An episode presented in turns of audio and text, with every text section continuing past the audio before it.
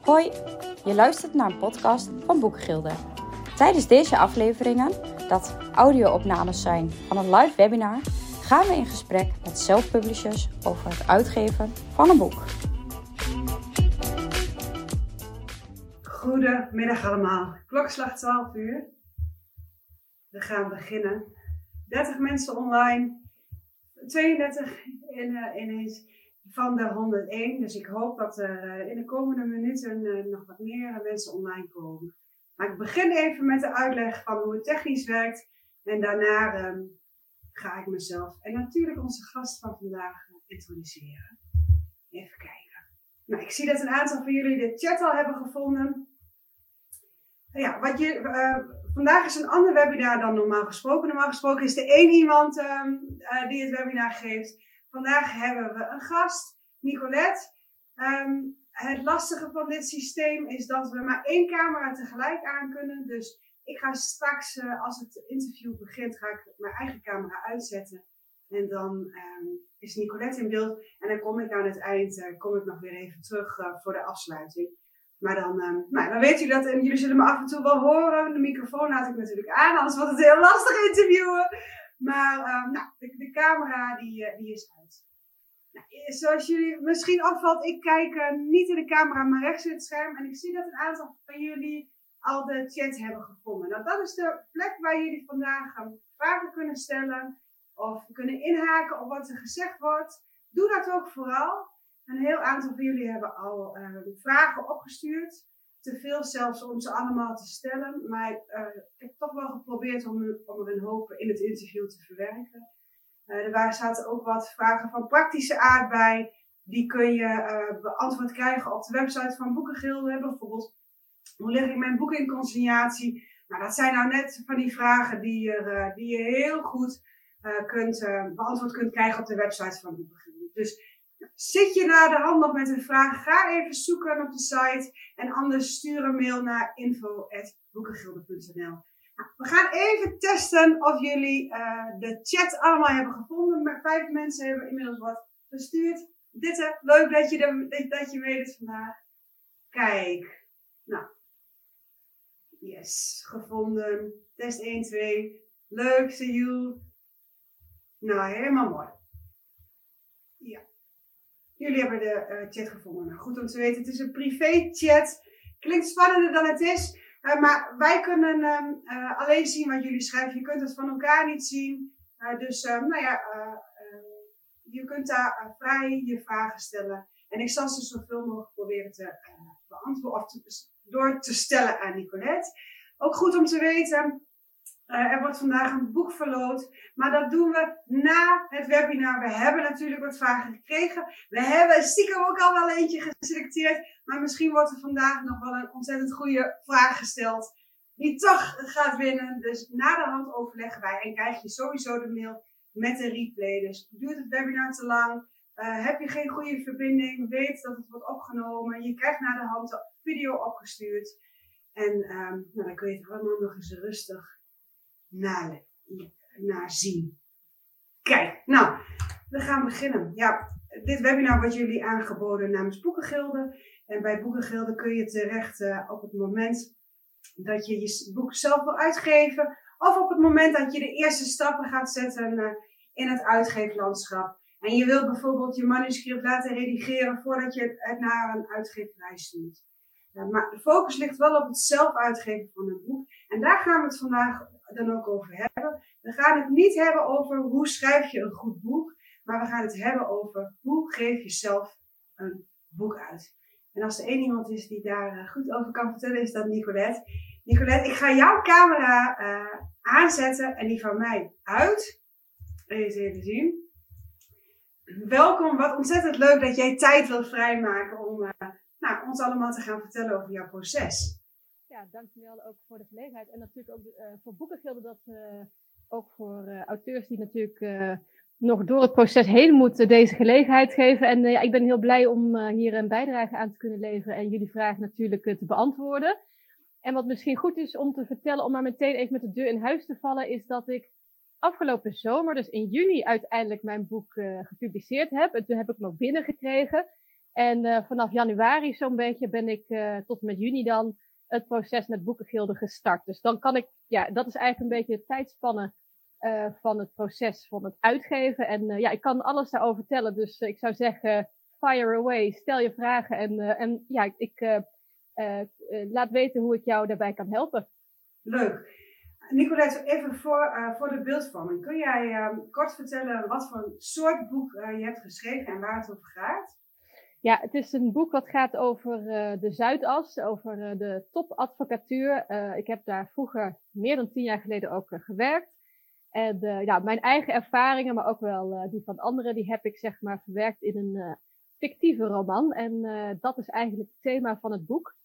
En ja, de hoofdpersoon die, die komt dan in die wereld aan en, en ja, door de ogen van de hoofdpersoon zie je eigenlijk die hele wereld zich ontvouwen. En dan zie je ook hoe zij zich daartoe moeten verhouden, uiteraard.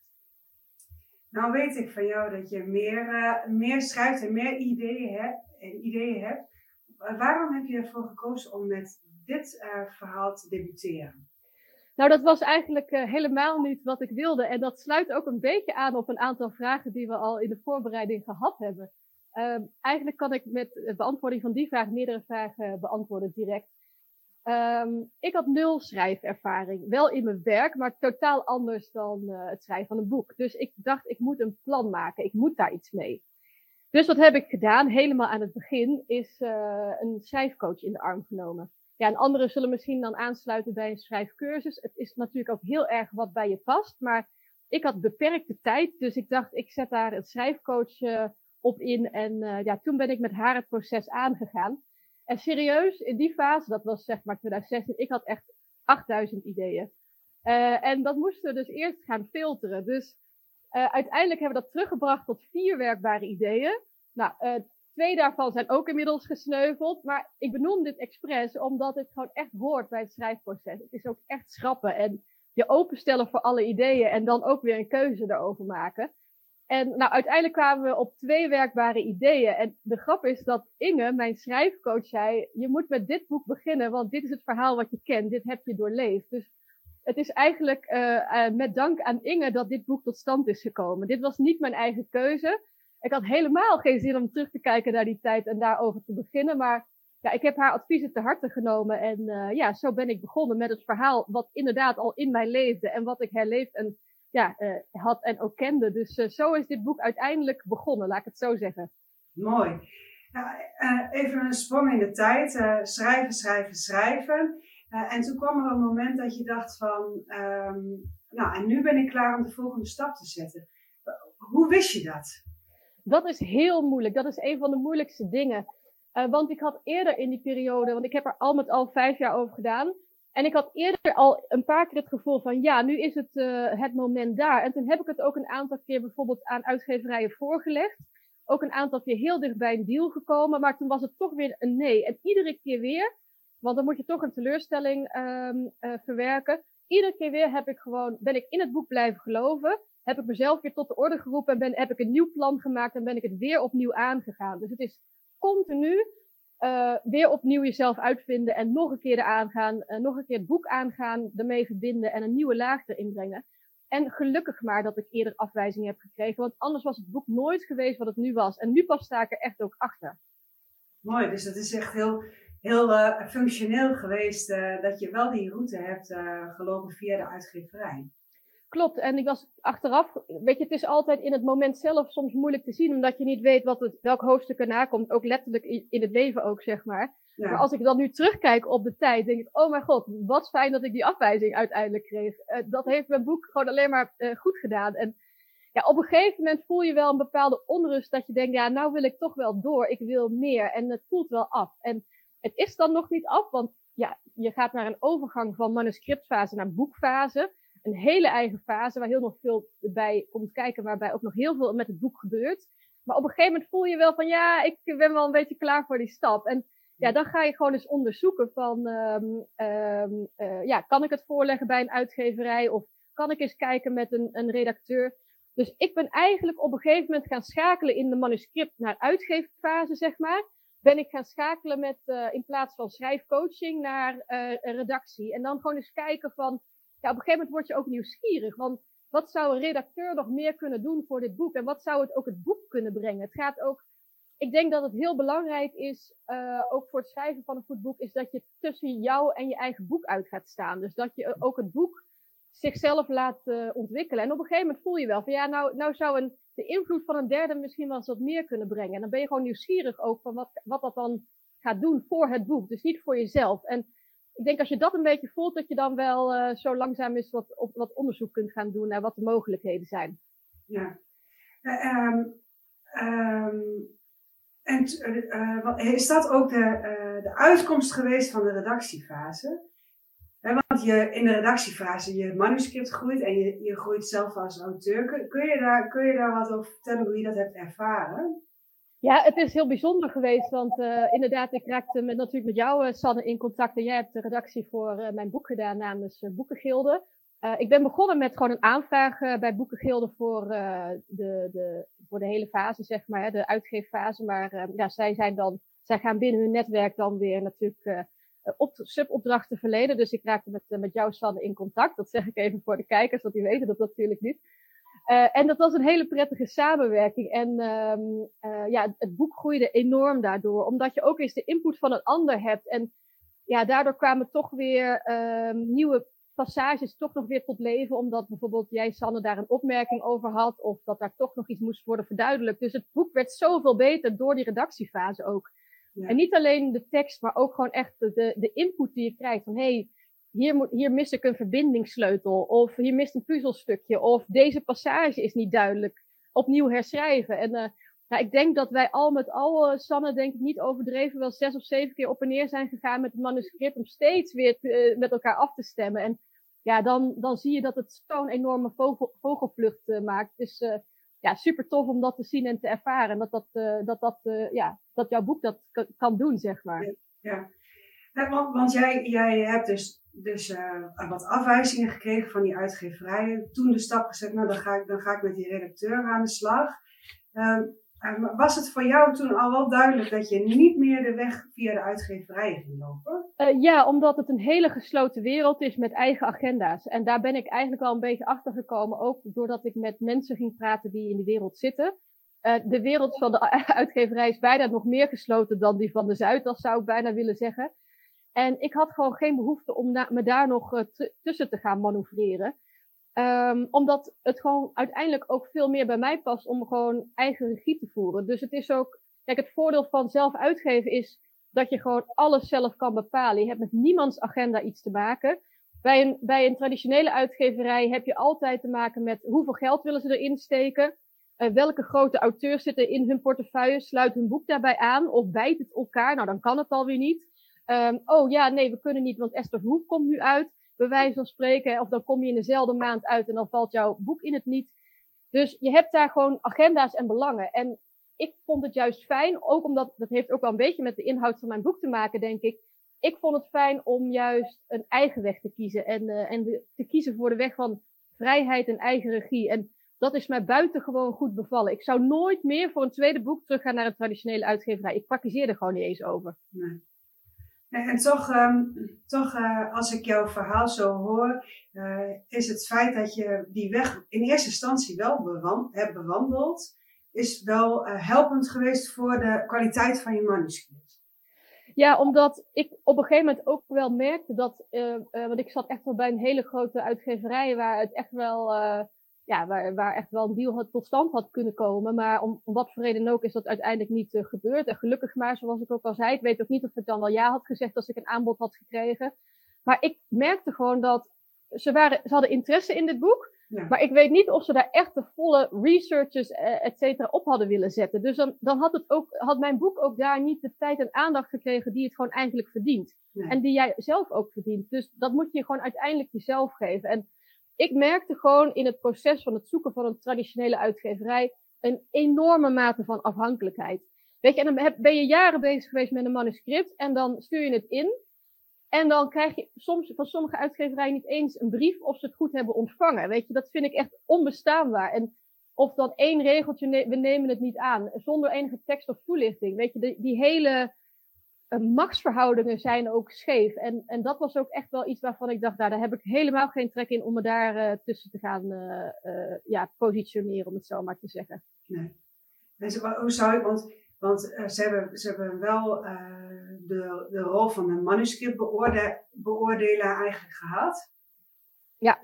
Zou je dat dan in een volg, bij een volgend boek op een andere manier organiseren? Ja, dat kun je gewoon uh, zelf ook inhuren. Dus er zijn heel veel mensen die tax, uh, tekstredactie doen, die ook naar je manuscript kunnen kijken. Ja. En nogmaals, ik had al natuurlijk de lijn van de schrijfcoach. Um, ik heb, want dat is even de stap die we hebben overgeslagen. Ik heb, ik heb vijf jaar ongeveer aan het boek gewerkt. En ik heb eerst met Inge, mijn schrijfcoach, gewerkt. En na de afwijzing ben ik uiteindelijk geschakeld, ben ik eigenlijk met iemand anders in contact gekomen, Nico. En um, uh, hij was meer, uh, hij was ook wel, um, zeg dat, hij gaf ook wel feedback op de inhoud van het manuscript, maar hij had ook wel uh, de rol een beetje van literair agent al. Dus ik zat daar al wel een beetje in een andere fase. Maar ook met zijn input weer is het manuscript weer zoveel gegroeid. En ja, op een gegeven moment heb ik zijn feedback verwerkt. En toen ben ik uiteindelijk bij, bij Boekengilde terechtgekomen. En dat, ja, toen voelde ik ook meteen dat ik op de goede plek was. En ik denk dat dat heel erg uh, belangrijk is. Je moet doen wat bij jou past en wat ook bij jouw boek past. Want misschien is de, de weg van de traditionele uitgeverij voor jou wel perfect, dus ga ervoor.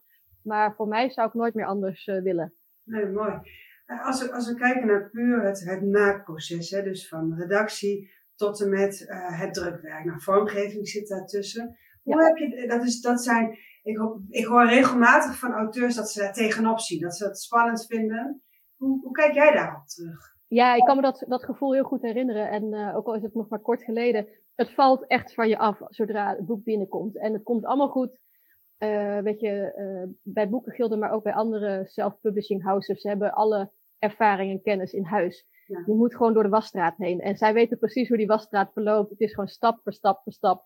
En het is alsof je door een programma heen gaat. Alleen omdat jij het voor de eerste keer doet, weet je niet precies welke stappen het zijn. Dus ik kan me dat gevoel heel goed herinneren. Maar nogmaals, het valt het verbleekt als je boek klaar is. Je, dan denk je daar nooit meer over na.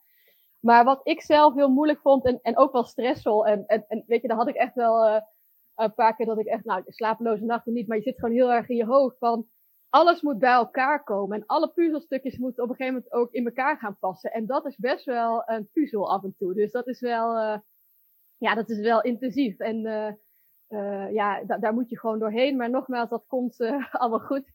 En het moet allemaal op de juiste plek vallen. Maar als je er zo middenin zit en het is zo dichtbij, het is zo binnen handbereik, dan is dat het moeilijkste om te doen. Om het nog een beetje tijd te gunnen, zeg maar. Dus, uh, ja. ja. Briska vraagt, wat zijn je tips in deze puzzel?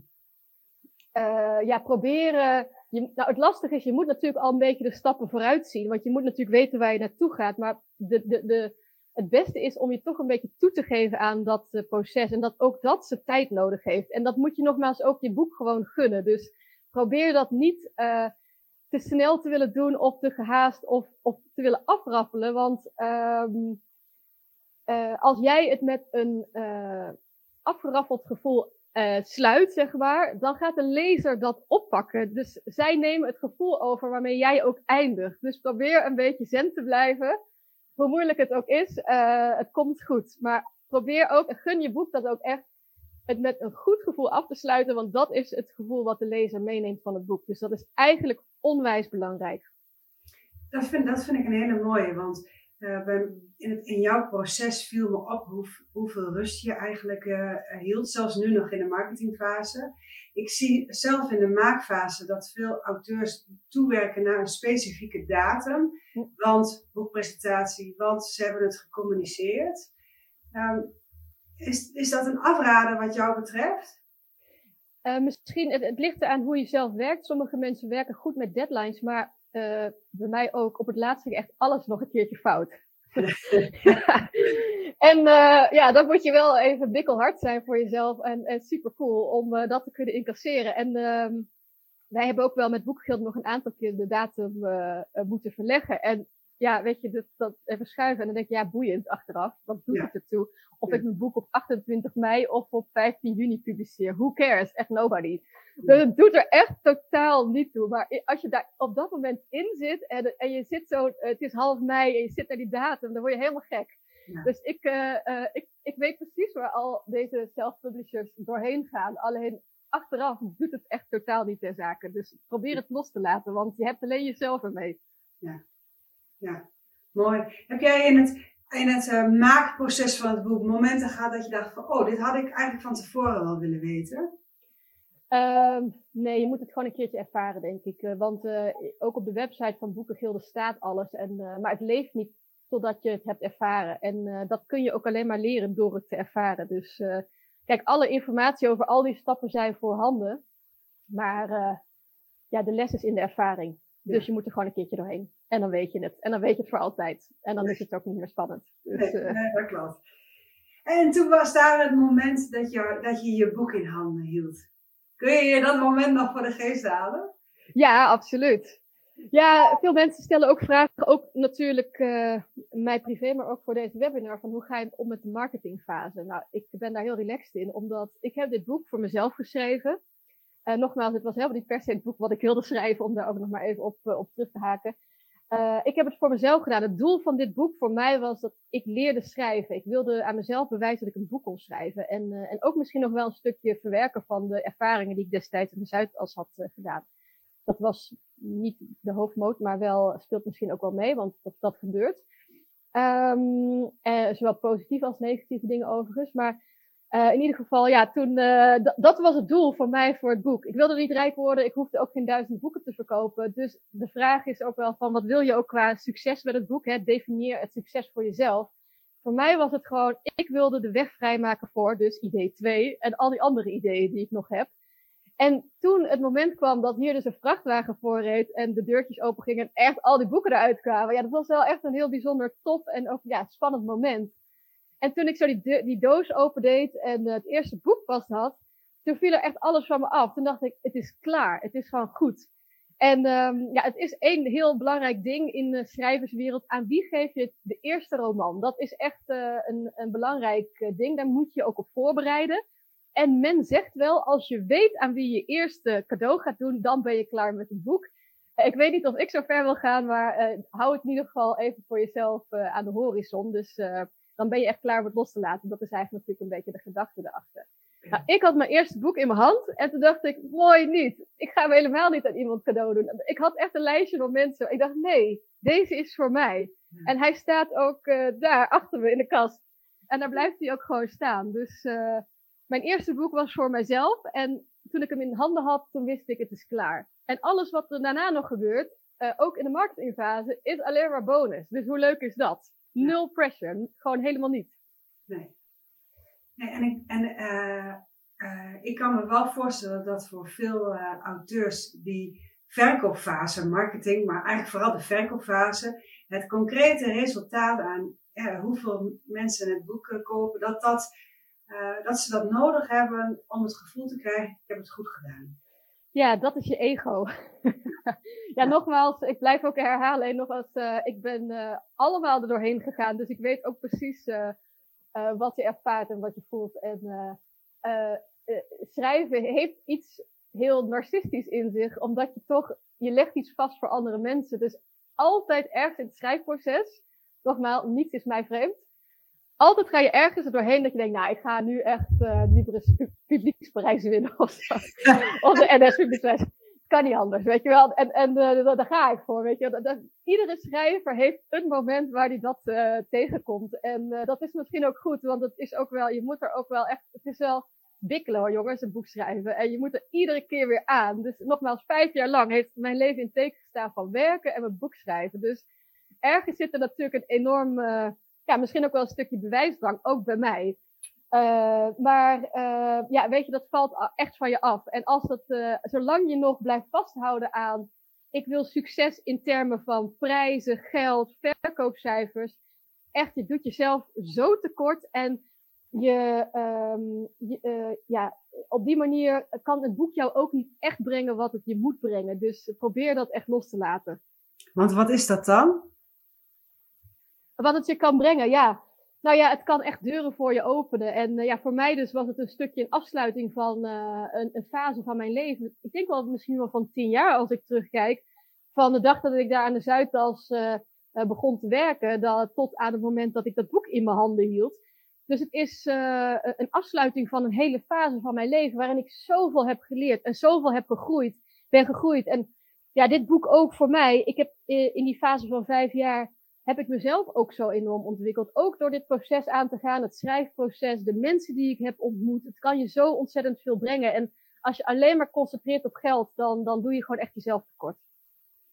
Wat me opvalt, uh, we, hebben, we hebben natuurlijk regelmatig contact uh, over, ook over jouw marketing, is dat, je, dat jij je netwerk uh, heel erg inschakelt. Je probeert deuren te openen. En je krijgt ook best vaak de deksel op je neus. Maar op de een of andere manier lijkt jou dat niet te beïnvloeden. Nee. Wat is daarvan jouw geheim? Ja, het, het, alles op zijn tijd is denk ik het goede credo. En als iets niet goed voelt, ook, ook met die uit, traditionele uitgeverij, dan is het ook niet de bedoeling dat dat de weg is. En um, ik zet mijn netwerk in. Uh, uh, het eerste wat ik goed in mijn oor heb geknoopt van Sanne was dat het heel belangrijk is dat je reviews krijgt. Dus ik heb pas een dolle tegen iedereen gezegd, schrijf een review. daar ben ik eigenlijk al een beetje mee begonnen. Ja. En um, ik, ik, ik heb zelf natuurlijk ook boeken afgenomen van boekengilden. Een, een, aantal andere liggen trouwens bij het Centraal Boekhuis. Die worden vanuit daar uitgeleverd als mensen online bestellingen doen, via bol.com bijvoorbeeld. Dus dat gaat allemaal geautomatiseerd. Even een tussenstap. Maar ik heb hier zelf ook heel veel boeken liggen en ik vind het onwijs leuk om een boek te kunnen delen. En ook een beetje nog in antwoord op de vorige vraag weet je, hoe leuk is het dat je een zakelijk contact of een buurvrouw uh, die je niet zo vaak spreekt een boek kunt geven. En dan zie je hun helemaal oplichten en glunderen van dat je dat aan hun cadeau doet. Weet je, dat zijn ook de hele mooie momenten van zo'n marketingfase. De delen, delen van het boek is echt de helft van het plezier. En de contacten en gesprekken die je daar weer over hebt. Dus ik zou daar gewoon lekker van genieten. En vervolgens, ja, in de marketingfase, ga op onderzoek. Uh, als mensen nee zeggen boek, het gaat niet over de kwaliteiten van jou als schrijver, het, het, komt misschien gewoon niet zo goed uit. Misschien is het gewoon helemaal niet de bedoeling dat jouw boek daar terecht komt. Misschien ook wel niet voor jezelf. Dus, dus laat dat gewoon lekker los. En ja, wat ik zelf heel erg merk in de marketingfase is ook um, iedere stap die je wel zet, die wel tot stand komt, zeg maar, die moet je ook echt integreren. Ik vind het best wel intensief, want de afgelopen vijf jaar, moet je voorstellen, waren best wel um, solistisch. Ik bedoel, nogmaals, werken, schrijven, dat was het wel zo'n beetje. Um, en nu ineens, het was altijd ik en mijn boek, zeg maar. Ik, ik, was altijd alleen met mijn boek. En als je dan die fase doorgaat van het eerst weer voorleggen aan een redacteur en dan door, uh, bij Boekengilde door de wasstraat heen. Iedere keer moet je groeien in dat je er ook zichtbaar mee wordt en dat je ermee naar buiten treedt. En ik vind dat echt super intensief, want het is, en best wel een beetje indringend ook, omdat je natuurlijk, uh, ja, het is echt ook kwetsbaar om dat te doen. Dus, dus gun jezelf de tijd, ook in de marketingfase. Weet je, als ik dus uh, marketingactiviteiten heb die, die bij elkaar komen, ja, ik vind dat gewoon best intensief en uh, dat moet ik integreren ook. En ik, ik gun mezelf gewoon die tijd daarvoor. En, en nogmaals, ga op zoek naar de plekken waar je wel moet zijn, waar de opening ligt en ga daarvoor en zet daar al je energie op in ik heb echt voor het komende half jaar alleen maar onwijs leuke dingen eraan komen. En zo één of twee per maand. En dat is voor mij meer dan genoeg. Omdat ik het ook uh, gewoon ja, een plek moet geven. En, en nogmaals, uh, totdat je de, de nieuwe Esther verhoefd bent, is het ook gewoon een activiteit naast je werk. Dat zullen heel veel mensen ook begrijpen. Um, zolang je nog niet kan leven van het schrijven, uh, moet je ook natuurlijk gewoon je werk doen. Dus uh, het is uh, gewoon hard werken ook en kost veel energie. Heel bijzonder, maar wel, ja, hou daar gewoon een beetje rekening mee. Dat het zijn tijd kost en ook zijn tijd mag kosten. Ja, en, dat, en wat ik daarbij, bij jou, daarin bij jou heel verfrissend vind, eigenlijk trap je zelf op de rem. Want jouw boek zou best wel wat stof kunnen doen opwaaien. En dat, dat gebeurt ook al wel. Um, maar jij, jij doseert heel erg voor jezelf. Ja, en dat heeft één, ook nog wel één specifieke reden. Dat de rem, zeg maar, uh, niet alleen emotioneel voor mezelf, dat heb ik net benoemd, maar ook, uh, ik heb heel erg gespeeld uh, met uh, waarheid en fictie. Ja. Mijn boek is best wel scherp aan de wind geschreven. En er, er, zijn een aantal mensen die echt niet blij zijn met het boek en het ook niet leuk vinden om het te lezen. Dus ik dacht ook, weet je wat? Uh, laat het maar een beetje zo gedijen en zijn eigen weg vinden. Het is prima als het daar een beetje aan het borrelen is. En uh, ik hoor wel vanuit uh, mijn oude netwerk, ook uit Amsterdam, hoor ik wat terug dat mensen erover praten. en uh, ja, nogmaals, het gaat over de Zuidas. Dus alle dames die het hebben gelezen of ervan gehoord hebben, die zeggen zo herkenbaar, dit is precies wat ik heb ervaren. En alle mannen die zeggen, wat een onzin, de Zuidas, je weet toch waar je gaat werken, dus dan moet je er ook maar tegen kunnen.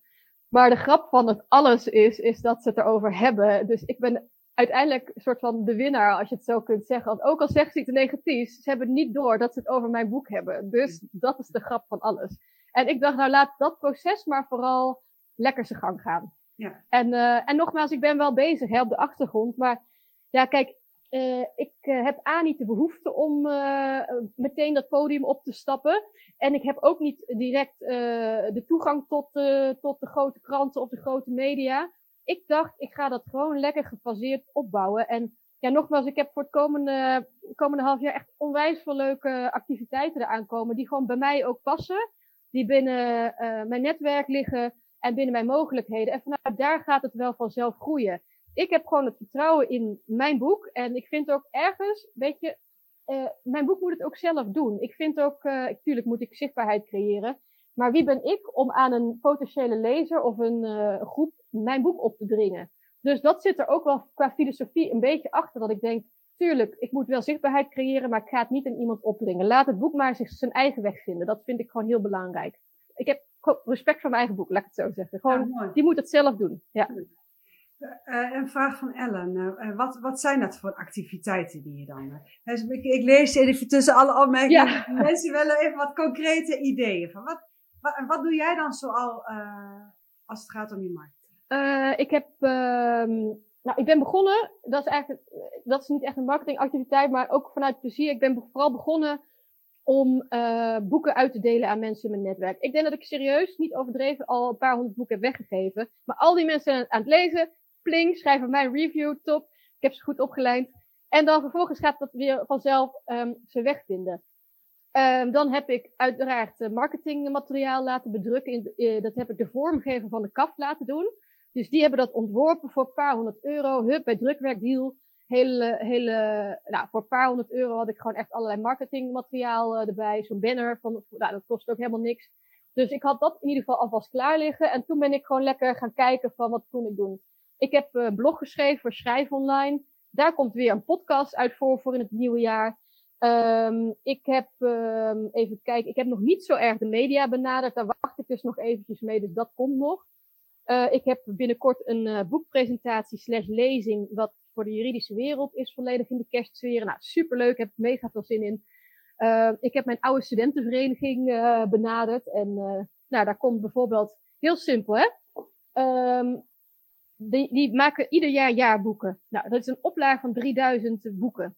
Voor 100 euro mag ik sponsoren. Nou, dat kost natuurlijk niks. En dan moest ik zelf de visitekaartjes aanleveren. Nou, bij, bij drukwerkdeal kost dat ook niks. Dus voor 200 euro heb ik nu kleine visitekaartjes met mijn boek erop in 3000 jaarboeken. Ja, hup, boom, daar gaat die rond, weet je wel.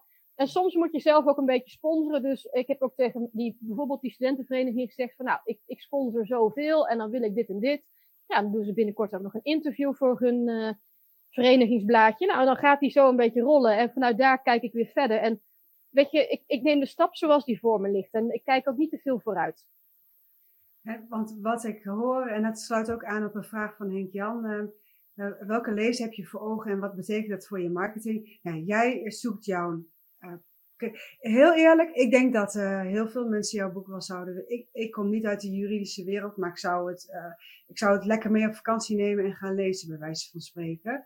Um, en tegelijkertijd zoek je het qua marketing nu wel in een specifieke hoek. Heb ik dat goed? Nou, niet zo concreet, maar um, het is zeker voor een breder publiek. En het is ook toegankelijk voor ieder. Daar heb ik ook echt aan gewerkt om dat ook zo te maken, zeg maar, in het schrijfproces.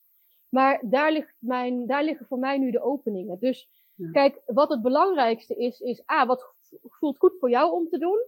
Daar moet je, dat is altijd de graadmeter, de basis. En ook waar ligt de ruimte? Hè? Ja. En daar ben ik steeds naar op zoek. Dus als jij een nee krijgt, ja, oké, okay, dan is daar dus niet de ruimte. Dan moet je dus ergens anders gaan zoeken. En dat is verder weet je, dat is niet zo ingewikkeld, maar je moet daar gewoon continu op je gevoel. Ja, ik ben heel erg op mijn gevoel gaan, gaan varen, laat ik het zo zeggen. Dus als daar een nee ligt, ja, dan vind ik dat ook niet zo spannend. Dan, ga, dan weet ik dus dat ik ergens anders moet gaan kijken. En mijn netwerk ligt natuurlijk in de juridische wereld. Dus het is logisch dat daar de eerste ruimte ontstaat. En vanuit daar kijk ik weer verder. Ehm, even kijken, wat wil ik daar nog over zeggen ook? Want Um, het is natuurlijk voor een breder publiek wel uh, toegankelijk, maar het is, daar heb ik niet direct de sleutels toe tot die markten. Dus dat is eigenlijk een beetje de reden dat ik denk, laat ik me daarop concentreren. Daar, heb ik ook, daar ken ik ook mensen, dus dat, dat, dat schakelt ook gewoon makkelijker. Ja, maar dat is, ook, uh, de, dat is ook altijd het advies, maak je doelgroep zo specifiek mogelijk, want dan kun je ze makkelijker vinden eigenlijk. Ja. Hè? En, en, en daar, ja. Ja, en één ding, want nu, uh, mijn boek voor veel mensen die uh, niet weten, het gaat natuurlijk heel erg over uh, grote wereld van geld en macht, maar ook wel ja, een hoofdpersoon die stuk gaat op wat daar gebeurt in die wereld. En ja, dat zie je natuurlijk heel erg. Nou ja, het is heel actueel. De wereld draait door, stond vorige week nog in de krant, maar ook is bij, in de uitgeverijswereld vrij recent nog het een en ander via de Volkskrant naar buiten gekomen. Dus het past heel erg in diezelfde wave van, ja, niet echt niet toe, maar wel van hoe ga je met elkaar om, zeg maar. En die scheve arbeidsverhoudingen op macht sturen, echt uh, zwaar grensoverschrijdend uh, gedrag. Nou ja, de, de Zuidas, uh, dat, dat is ja, ongeveer het baken van, die, van dat gedrag. ik, ik kan nu heel slim zijn en commercieel zijn en zeggen, hé, hey, de wereld draait door. Ja, ik heb er ook eentje. Maar ik heb zoiets van, nou, weet je, even rustig. Weet je? Dus het is ook, ik zie ook soms wel kansen voorbij komen dat ik denk, hé, hey, hier kan ik op inspringen. Dan dacht ik, nee, dat voelt niet goed, doe ik het ook niet. Dus het is, uh, ja, wat dat betreft, uh, gewoon continu kijken wat, je, wat bij jou past en uh, bij het boek past. Je wil het zuiver houden. Ik wil het zuiver houden, ja. Dat vind ik het allerbelangrijkste. En dat is ook echt wat het boek verdient. Ik heb er niet voor niks vijf jaar in zitten. Ja. En wat ik, dat, dat vind ik dus ook heel, heel mooi aan jou. en ik krijg ook een aantal vragen over... Um, want er staat bij, als je zelf een boek uitgeeft, staat er natuurlijk een investering tegenover. Ja. En ik zie bij veel auteurs ook wel de druk om, die, om op zijn minst die investering terug te verdienen. Ja, dat vind ik. Um, zo, eh, zo laat je je verleiden om in de val van het geld te, trap, te trappen. Dat is ook weer een beetje ego, denk ik. Maar dus, het is, het, je ontkent dan voor jezelf wat het boekje kan brengen. Ja. En het, dat is, het is het verschil tussen geld en waarde. Dat, dat, dat, de waarde ervan kan je niet in geld uitdrukken. Nee. nee. Dus ja, je moet er een investering in doen. Dat is waar. Ja. ja. ja. En, uh, en uh, ja, je kan, kijk, kijk, weet je wat het is? Mensen vallen over het geld. Maar een voorbeeld, hè. Ik heb er vijf jaar over geschreven. Nou, en daar heb ik uh, al met al geld in moeten investeren, zowel voor boekengilden natuurlijk, voor de offerte met al het werk wat daarbij komt en vormgeving, et cetera. Maar ook uh, de coaching. Ja, dat, dat is een beetje het geld dat ik in geïnvesteerd heb in fysieke vorm. Maar ik kan, ook, ik kan het ook, als je het echt in geld wilt uitdrukken, denk ik, ja, godverdorie. Ik heb misschien wel een jaar lang netto aan het boek gewerkt. Dan heb ik een jaar lang geen geld verdiend. Als je, dat zo, als je zo alles in het geld gaat trekken, dan is, ja, je hebt, je hebt er misschien wel een tijdsinvestering van een jaar in zitten. Ja. Maar dat, dat ga je er natuurlijk niet uithalen. Maar ik, ja, weet je, dat, dat, zou, dat weegt gewoon echt niet op tegen wat het mij persoonlijk heeft gebracht. De enorme groei die ik heb doorgemaakt, gewoon persoonlijk ook. En de lessen die ik heb geleerd, de mensen die ik heb ontmoet. Weet je, uh, ja, ik heb zoveel geleerd van het schrijven. Dat, dat, dat, is, uh, dat is gewoon echt niet in geld uit te drukken. Dat is het gewoon echt dubbel en dwars waard. Dus laat die focus op geld los. Je doet jezelf echt tekort. Ja, ja. En heel praktisch gezien, als je vijf jaar schrijft, kun je vijf jaar sparen. En, ja. en je, je, krijgt de facturen niet op hetzelfde moment. Dus dat duurt nee. dan ook nog weer een hele periode eroverheen. Nou, nou, dat heb ik ook tegen Boekgilden gezegd. Uh, zeg van, goh, kunnen jullie een beetje spreiden? Dan, uh, want nogmaals, ik ben in januari met, uh, met echt begonnen. En in juni was het klaar. Dus we hebben gewoon een beetje de facturen ook over die, die termijn van zes maanden een beetje verspreid. En ja. dat helpt ook. Ja. En, en je hebt tijd, want je, je weet dat, uh, dat deze investering eraan komt. Dus uh, zet er gewoon alvast een bedragje op, opzij. En uh, ja, weet je wat het is? vaak ook wel, dit is ook wel een beetje hoe het werkt als je het hebt over overvloed. Het, over het algemeen werkt het wel zo dat als het alles op het juiste moment gebeurt, dat het geld zich ook wel aandient, zeg maar. Dus er komt dan, als het echt de bedoeling is dat, dat het zo gaat, dan op de ene of andere manier komt het geld ook tot je toe. Dat is misschien een beetje zweverig of spiritueel, maar het is wel hoe het werkt. Dus probeer daar ook een beetje op te vertrouwen. Ja, mooi. Er zijn, er zijn best nog wel veel uh, uh, vragen, uh, losse vragen die ik eigenlijk straks, waar niet, niet een specifieke lijn in zit, die wil ik straks ja. gaan stellen. Maar ja. voordat, um, voordat ik dat ga doen, als, je, als jij, je kijkt terug op je uitgeverproces, nou eigenlijk zie, zit je daar nog in, want de marketingfase is ook, hoort ook bij het uitgeverproces. Uh, kun jij als ervaren self-publisher de, de voor- en nadelen van zelf uitgeven op een rij zetten? Uh, belangrijkste voordeel uh, wat wordt genoemd is ja, dus echt de vrijheid en de regie over alles. Um, dat vond ik onwijs fijn. het past ook nogmaals het beste bij mij. Ik kon alles beslissen zelf. En dat is, als je dus voor het eerst daar doorheen gaat, ook heel overweldigend. Wat ik ook al zei, die puzzelstukjes moeten bij elkaar komen. En ik, oh help.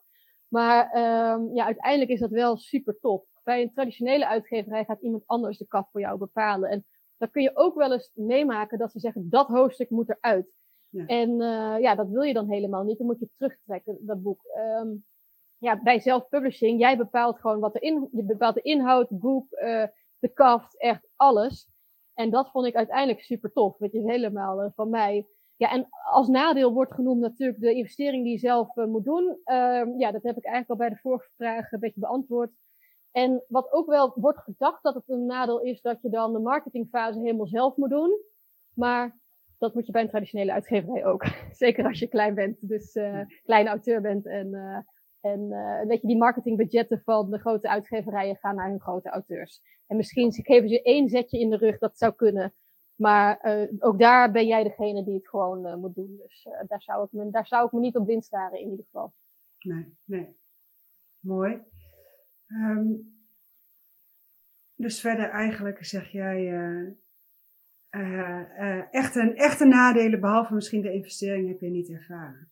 Nee, nee, eigenlijk niet. Helemaal niet. Ik, ja, nogmaals, ik zou ook nooit meer aan iets anders denken. Dus volledige vrijheid, volledige regie. Ja, jouw mooi. boek in, in, alle, in alle facetten. Ja, ja mooi. mooi. Ja. De, en tegelijkertijd zou ik me ook kunnen voorstellen dat sommige auteurs denken, maar, maar ik weet niet hoe ik, wat, wat, er op mijn cover moet. En ik weet niet.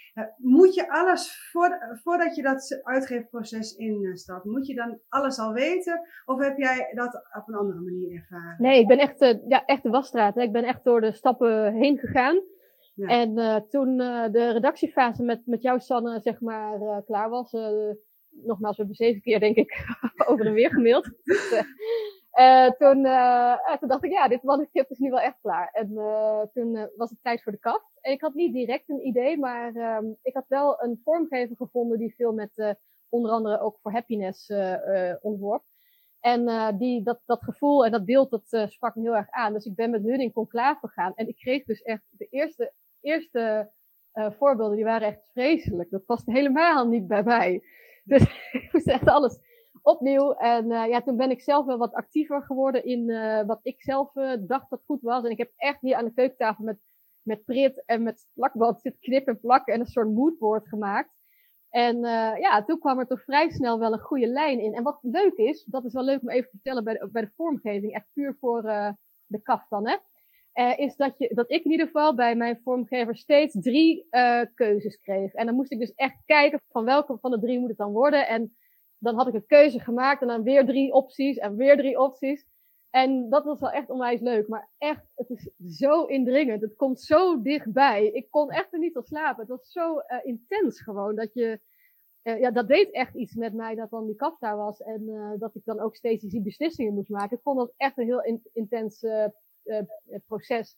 Maar ja, ik was in goede, hele goede handen. En dat is gewoon echt super mooi geworden. Ik ben zo ontzettend blij. En nogmaals, iedere keer kon ik kiezen. En dan um, ook voor de rug en, uh, en al dat soort dingen. Nou, er komen keuzes bij, dat kun je niet eens voorstellen.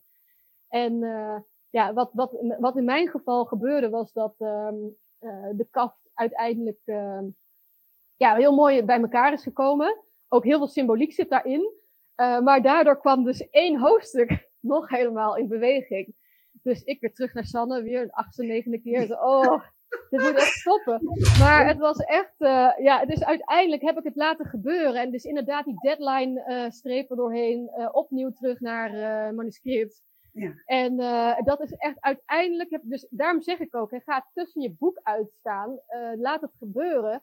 Want dat is uiteindelijk het hoofdstuk geworden waar ik het meest trots op ben. Dat, dat hoofdstuk maakt het hele boek. Ja, dat kon ik echt niet voorstellen. Dat kwam dus in beweging door de kaft. Ja. Dus uh, nou ja, ik weer terug naar Sanne, uh, acht, negen keer. En uh, toen hadden we er wel, toen was het wel echt klaar. Ja. Maar ja, en dan komt nog het binnenwerk. misschien moet ik daar ook maar meteen even op door. Nou, ook daar, wat een keuzes. Ja, echt, wat voor lettertype wil je? En ja, dan had ik dan ergens een asterixje tussen twee hoofdstukjes. Nou, wat voor asterix wil je dan? Wil je een sterretje, een bolletje, een roosje, een kringeltje? Nou, echt dat je denkt, jezus, hou op, ik weet het niet meer, weet je wel. Dus, dus er zijn zoveel keuzes te maken ook. En uh, ja, probeer, ja, ook, en ook met het binnenwerk, met bureau Jansen, ook uh, zes, zes, zeven keer op en neer. En ja, daar moet toch nog iets bij. En nou ja, echt, dat, dat, dat, dat, dat ga je meemaken. Dat, dat hoort erbij en laat het vooral gebeuren. Want hoe meer je er tegenaan gaat schoppen en hoe meer je ervan in de stress raakt, hoe, hoe erger het wordt. Het, het gebeurt, het hoort erbij.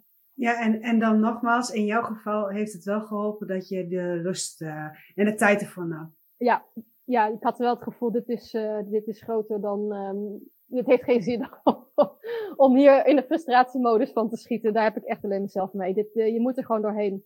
En je bent in goede handen, dus laat dat ook, vertrouw daarop en, en laat je dragen daarin. Want uh, weet je, als ik één ding weet, ja, niet, niet een boek, boekengilde te promoten per se, maar weet je, je bent gewoon echt in hele goede handen van alleen maar professionals die precies weten wat ze doen.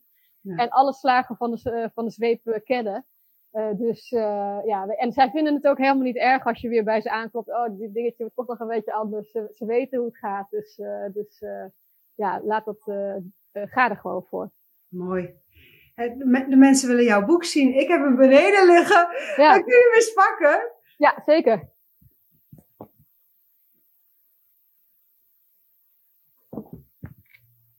Kijk. Wat voor mij heel belangrijk was voor de, voor de kaft, was uh, een frisse kleur blauw. Dat wilde ik heel erg graag. En uh, dat is mooi gelukt. Dit is, de, dit is de kaft. Even kijken hoor. Zo heb ik hem goed ja. in beeld. Zo, ja. Uh, ja, uiteraard het beeld van de rechtbank, het recht. En in het laatste hoofdstuk, wat dus nog in beweging kwam na, de, na het ontwerp van de gaat, stel ik ook heel erg de vraag of wij wel echt in een rechtvaardige maatschappij leven en of het rechtssysteem wel eigenlijk doet wat het zou moeten doen. Dat ik toch wel, ben toch wel van mening, ik ben inmiddels weg, zoals jullie weten, bij de Zuid als, corporate lawyer, maar nu werk ik echt in de sociale advocatuur. En je schrikt echt wat je in Nederland tegenkomt en, en, en, hoeveel mensen in armoede leven bijvoorbeeld. Dus daar ben ik heel erg van geschrokken. Um, dus ik heb nu een hele andere blik op het recht, en maar ook op de advocatuur. Dus daar in dat laatste hoofdstuk, wat dus echt op het laatst nog in beweging kwam, stel ik dat soort vragen ook, breng dat ook echt aan de orde. En dat heeft ook wel iets te maken met waar ik sta, nogmaals, zelf in mijn ontwikkeling als advocaat in, het eigen, in mijn eigen leven. Maar past ook heel mooi in het boek. En ja, dat, dat hoofdstuk heeft, echt, heeft het echt gemaakt. daar, daarin deel ik ook mijn visie op hoe, ja, wat er gaande is. En, en eigenlijk is het zo, en dat had ik dus nooit kunnen verwachten toen ooit Inge tegen mij zei, hier moet je mee beginnen is dat um, ja, de hele Zuidas alleen maar een toneel is geweest om deze boodschap op over te kunnen brengen. Ja, mooi. En Jeppe, Jeppe een, vraagt, en waarom heb je dan gekozen voor uh, semi-fictie is eigenlijk, hè? Ja, omdat, um, ja, hoe zeg je dat? Uh, ik werkte destijds op een advocatenkantoor wat behoorlijk, uh, een proceskantoor wat behoorlijk uh, agressief in de markt stond. Uh, een beetje de legal sharks, zou je ze wel kunnen noemen. Ze hadden ook advertenties met posters met, met een hele lelijke aasgier in de toga. En dan stond er ook bij van, if it's ugly you want, it's ugly you're gonna get. Dus ik dacht, okay. better be safe than sorry. en dat is ook wel de reden dat ik in de marketingfase denk, nou een beetje, beetje rustig aan, laat het maar een beetje gedijen. Ja. Dat ik denk, uh, uh, ja, ik zit niet te wachten op problemen. Dus, uh, en dat vond ik moeilijk hoor, trouwens. Even voor even duidelijkheid. Helemaal aan het begin, dat, was, dit, dit vind ik echt, dat vond ik een van de moeilijkste beslissingen die ik moest nemen. Daar heb ik ook het langst heb ik dat opengelaten. Moet ik het onder mijn eigen naam uitgeven of niet? Ja. Ik zat heel lang op het spoor, is het niet beter om een pseudoniem te nemen? Daar heb ik serieus echt lang mee geworsteld. En dat, dat was echt niet zo evident uiteindelijk. Maar uh, weet je, op een gegeven moment kom je wel op een fase dat je denkt, nee, ik moet gewoon achter mijn boek gaan staan. En weet je, anders weten ze je toch wel te vinden via de uitgeverij. Dus het is ook maar een lege huls. Maar daar had ik moeite mee. En uh, ook wel de zichtbaarheid van ja, achter je eigen boek gaan staan, maar loop ik ook geen risico's. Ja, uh, ja daar moet je rekening mee houden. Dus, dus ja, voor mij was uh, om deze boodschap te kunnen brengen het beste om te spelen met ja, fictie. En ook echt in het boek heb ik echt een aantal lagen fictie gecreëerd en er overheen moeten leggen, zeg maar, om dus een beetje daarbij weg te blijven. En ja, een van de vragen ging er ook over, ja, wat is nou een goed boek? Een goed boek is in ieder geval op zijn minst een boek wat gelaagd is en waarin alle lagen kloppen van A tot Z. En dat is best moeilijk, want ook een sublaag, een dragende verhaallijn moet gewoon helemaal op de juiste plek zijn en volledig af zijn. Dus, uh, dus dat is, zijn wel een aantal essentialia, denk ik, die uh, belangrijk zijn. En dat is iets waar jij door je schrijfcoach uh, in bent geholpen? Ja, ja, dat was allemaal al voordat het manuscript klaar was, inderdaad. Ja. ja, Inge en Nico hebben daar heel erg mee, hebben er eindeloos op gehamerd. En ja, wat ook belangrijk is, vind ik zelf, uh, dat maakt het natuurlijk interessant, is dat de hoofdpersoon een, een, een ontwikkeling doormaakt. En dus daar zit ook altijd een psychologische onderlaag op. En je moet het laten zien aan de lezer. Je moet het dus niet zeggen, maar je moet het laten zien. En daarvoor heb je steeds weer nieuwe scènes nodig. En die moeten weer in de chronologie, in het verband van alles passen. Dus dat is soms best een puzzel om dan te zorgen dat die opbouw ook goed genoeg blijft. Dus, dus dat is wel, daar moet je altijd wel goed naar kijken. En iets wat Nico mij heeft geleerd, dat, dat deel ik graag, een hele wijze les is, jij bent als auteur verantwoordelijk voor alles wat in het boek gebeurt. Dus alle gebeurtenissen, maar ook alle personages. Ook de personages die je niet mag als auteur, zeg maar. Waar je echt gewoon een hekel aan hebt. Uh, ja, je moet gewoon zorgen dat die, uh, je moet je met, met hun verbinden. En je moet zorgen dat wat zij doen logisch is in het verhaal. Dus het is wel, uh, ja, dat is belangrijk. Dus jij bent verantwoordelijk voor alles wat er gebeurt. Ja. Mooi. Er wordt, wordt een opmerking geplaatst. Je hebt veel hulp gehad in het schrijven. Um, zou je dat bij een volgend boek, roep je die hulp weer in? Of... ja, ja, absoluut. Want het is zo ontzettend fijn. En ja, weet je, het is goed, om je te omringen met mensen die, die verstand van zaken hebben en die jouw boek verder kunnen helpen. Dus ja, nogmaals, en ik neem hun adviezen ook ter harte. Echt, soms is die uh, kritiek echt brutal. En dan, dan heb je echt het gevoel dat je met vier pootjes in de lucht bent. ja, dan lig ik echt zo. Oh. dan moet je echt even verwerken. Dat is echt soms best, dat is best pittig. Maar ja. ik heb het allemaal ontarmd. Ik ben iedere keer weer opnieuw aangegaan. En weer opnieuw, weer opnieuw. En ja, ik, ik vond het heel fijn. Ik heb aan Inge al een bericht gestuurd. Inge, als de tweede boek er komt, dan ga ik graag met jou weer in zee. En Nico weet ook al daarvan. maar die is pas later aan de beurt. Dus, ja, leuk. Ja, ja. Want er wordt ook gevraagd, ben jij alweer bezig met je volgende boek? Ja, ja ik had het idee natuurlijk in concept al, al heel lang liggen. Maar het tweede boek, ja, daar ben ik wel in gedachten mee bezig. Ik ben nog niet echt aan het schrijven. Um, en um, uh, wat, ik, wat het probleem daar nog een beetje bij is, is A, de witte bladzijde. Dat is een van de moeilijkste dingen, is echt wel een bekend begrip. Je moet door die eerste witte bladzijde heen en die, leegte daarvan is overweldigend. Dus ik worstel daar nog een beetje mee op dit moment. En wat ook nog speelt, is dat ik nog één verhaallijn moet uh, uh, onderzoeken. Dus ik zit ook nog een beetje in de research van wat heb ik nog nodig. Dus ik ben er wel mee bezig, maar ik worstel op dit moment. En ja, dat hoort erbij.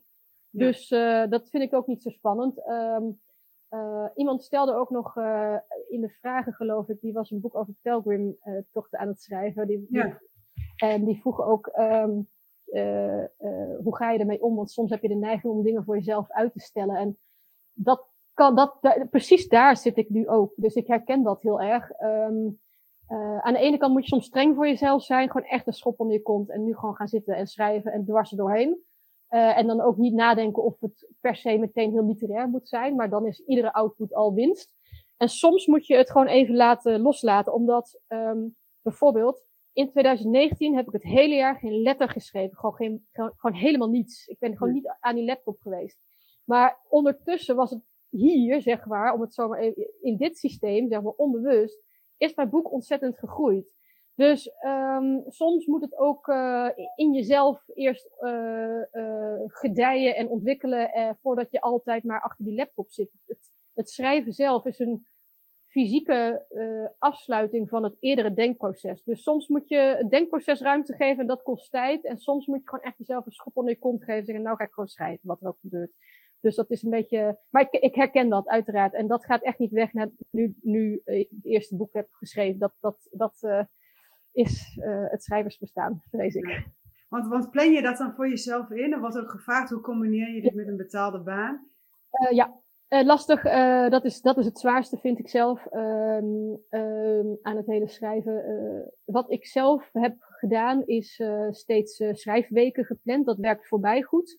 En dan echt letterlijk gewoon echt een tas boodschappen halen en mijn huis schoonmaken. Dat ik ook echt hond weg, weet je wel. Dat ik gewoon echt één hele week in een bubbel kan zitten. En dat werkt best wel goed. En in één week kan je echt, als je echt kan knallen, weet je, dan kan je zo ontzettend veel doen. Ja. Dus, dus dat werkt wel heel erg uh, goed voor mij. Maar dat, dat is altijd lastig. Ja, dat, uh, dat uh, herken ik zeker. Oké, okay, dus dat is. en inderdaad streng zijn voor jezelf. Misschien ook wel je, je sociale leven. En af dat mensen er begrip voor gaan ja. krijgen. ja, het is, het is lastig ja, je moet gewoon af en toe in je bubbel gaan zitten en dan ook uh, gewoon uh, gaan vlammen. En dan uh, zie je wel wat het resultaat is. Maar in één week kun je echt veel doen. Dat is wel belangrijk. Ja, en wat, wat ik soms ook wel heel moeilijk vind, soms, soms is het heel moeilijk om die week te vinden en te plannen. En wat nog veel moeilijker is, is als je in die week zit en dan komt die, e, die creativiteit komt omhoog, zit er helemaal in. En dan shit, weet je wel, ik moet maandag werken. Dan moet het weer, dan moet je het weer even terug doen. En uh, dat vond ik misschien wel nog moeilijker. Dat je dan echt, natuurlijk, soms komt de creativiteit en dat, dat, dat is helemaal in ontwikkeling en dan komt het op. En dan moet je weer even de deksel erop doen, omdat je weer even terug in je gewone werk, werkende leven moet. Ja. Dus dat vond ik ook heel zwaar. Maar zorg dat je altijd een boekje bij de hand hebt of een voice recorder. Nou, het zit gewoon op je telefoon. Ja. Dus als je, het komt ook altijd op de raarste momenten. Hè? Als je in de auto zit, uh, net onhandig, uh, dan komt ineens de briljante zin omhoog. Ja. Dus zorg dat je altijd een voice recorder of een boekje hebt, dat je altijd even uh, iets kunt inspreken voor jezelf. Dan kun je het later altijd teruglezen. Ja, mooi. Een laatste vraag. Um, vind ik ook wel een geinige vraag. Begin je met een titel of komt dat later? Ja, dat is grappig. Mijn, ik, ik viel mijn oog net ook op diezelfde vraag. Ja, wederom dank aan Inge voor deze in, uh, ingave. Nee, ik ben absoluut niet met de, met de titel begonnen, maar in het, in het samenwerking met Inge kwam dit zo naar voren. En zei, ja, waarom noem je niet gewoon de stagiair? Ik zei, ja, oké, ja, waar, waar, waar dit? Ja, het eigenlijk dekt precies de lading. Dus ja. ja. niks meer aan doen, zou ik zeggen. Dus um, ja, weet je, weet je sta open voor um, ja, feedback is een gift, zeggen ze wel, maar ook sta echt open voor wat vanuit de omgeving je toevalt en omarmt dat. Want uh, ja, ik heb echt wel hele mooie inspiratie ook uh, uh, te danken aan, aan mensen om mij heen. En uh, voor, voor toevallig voor mijn tweede boek heb ik de titel al wel. Dus het is, het is ja, het doet er eigenlijk niet zoveel toe. Maar hij komt, hij valt je toe. Geen zorgen. En mogen wij die titel ook al weten? Uh, ja, de, dat, de, het, het, het, gaat heten uh, Terugkeer van een koningin. Ik ga, ik ga een boek schrijven over. Ik ga, nou, daar ben ik dus mee bezig met de research, maar het gaat over de uh, Franse Revolutie. En ik ga een boek baseren op de veronderstelling dat de geheime dagboeken van koningin Marie-Antoinette gevonden zouden worden. En wat daar dan in zou staan. Dus over de tijdgeest van de revolutie. Oh, geweldig. Dus uh, ja, maar dat, dat vergt nog wel wat hoor. Daar ben ik voorlopig nog Ja, maar dat, dat is echt een feitencheck. En, uh, ja, oh man. Ja. En um, ja, uh, weet je wat ook een beetje speelt? Ik weet dus, dit kost gewoon vijf jaar. dus ik, ik, wil, ik hou het ook nog... Als we het echt over de rem hebben, dan sta ik echt vol op de rem voor het tweede boek. Want ik denk, ja, wacht even. Voordat ik me weer zelf weer inklok in die vijf jaar, wil ik even nog even een paar leuke dingen doen. Ja, je lekker op vakantie. Ja. En een paar gezellige dingen doen met wat mensen om me heen. Voordat ik weer straks weer committeer aan iets. Want het is echt een commitment. Je moet hem waarmaken. En uh, ja, het, kost gewoon een aantal jaar van je leven. Dat je daar, dat, dat uh, ja, hoe zeg je dat? Uh, daarmee zo verbonden bent. Dus het is, het, het, brengt je heel veel. Het is het dubbelend dwars waard. Maar voordat ik er weer aan vasthang, wil ik eventjes nog een pauze. Nou, ja. en nog dit boek, wat je, waar je denkt, ja, dat is ja. Ja, ja, ja, vergeet ook niet te genieten inderdaad. Want dat is, uh, ook, dit is ook even een uh, quote aan mezelf. Vergeet niet ervan te genieten. Ja, ja. Ja, dat hoort er echt wel bij. Ja. Mooi. Ik vind dat je hele waardevolle dingen hebt gedeeld. En als ik dat zo teruglees in de, in de reacties, denken, denken jullie thuis daar ook zo over? Dankjewel Nicolette. Is er nog iets wat jij nog wil toevoegen? Uh, nee, ik, ik vraag, iemand vraagt nog naar de achterkant van het boek. Ik kan oh, hem alleen eventjes in beeld houden. En dan, ja. uh, ik weet niet of er echt een concrete vraag uh, is. Oeh. Nee, dat ze, dat, zij, zij schrijft dat, vraagt, geeft aan dat mensen ook wel eens met de achterflaptekst beginnen. Ja. Dus Oh, nee, eh, dat niet. Nee, was op Dat, eh, ja, dat, dat is op zich wel een goede tip hoor, want dan breng je focus aan. Bij sommige Ja. boeken kan dat heel eh, waardevol Ja. zijn. Ja, en wel, eh, hier staat hij trouwens, een mooie foto van jezelf laten maken. Ja, Bij een fotograaf. Heb ik, dat was gewoon een vriendin van mij, die, eh die is fotograaf. Dus ik, ik zei, Esther, wil je even mij een mooie foto maken van de kast? ja, Die, heb- die heb ik al wel echt, die had ik echt al drie jaar geleden gemaakt. Maar dat zijn wel leuke dingen. Oh, dan ben je ook op een andere manier met je boek bezig en dat is ook onwijs leuk. Dus Ja. geniet er. ja, en dan blijf je wel in, in beweging. Ja, precies. Dan ben je toch bezig op een andere manier. Ja. Mooi. Ja. Nou, dankjewel. Ik ga jouw camera uitzetten als je Ja. het goed vindt. Heel erg bedankt. Mag ik nog ja, iedereen heel veel succes eh, wensen met eh, ja, dit mooie proces wat iedereen voor zichzelf moet aangaan. En ja, geniet er lekker van en, en eh, ontvang wat het eh, je mag brengen, weet je. Dat is, dat is daar, waar, daarom doe je het. Dus geniet er lekker van. Fijn, mooie afsluiten. Dankjewel. Graag gedaan. Nou, en ik wil jullie thuis ook eh, allemaal ontzettend eh, bedanken, want we hebben heel veel vragen uh, binnengekregen. Echt te, echt te veel om allemaal te beantwoorden.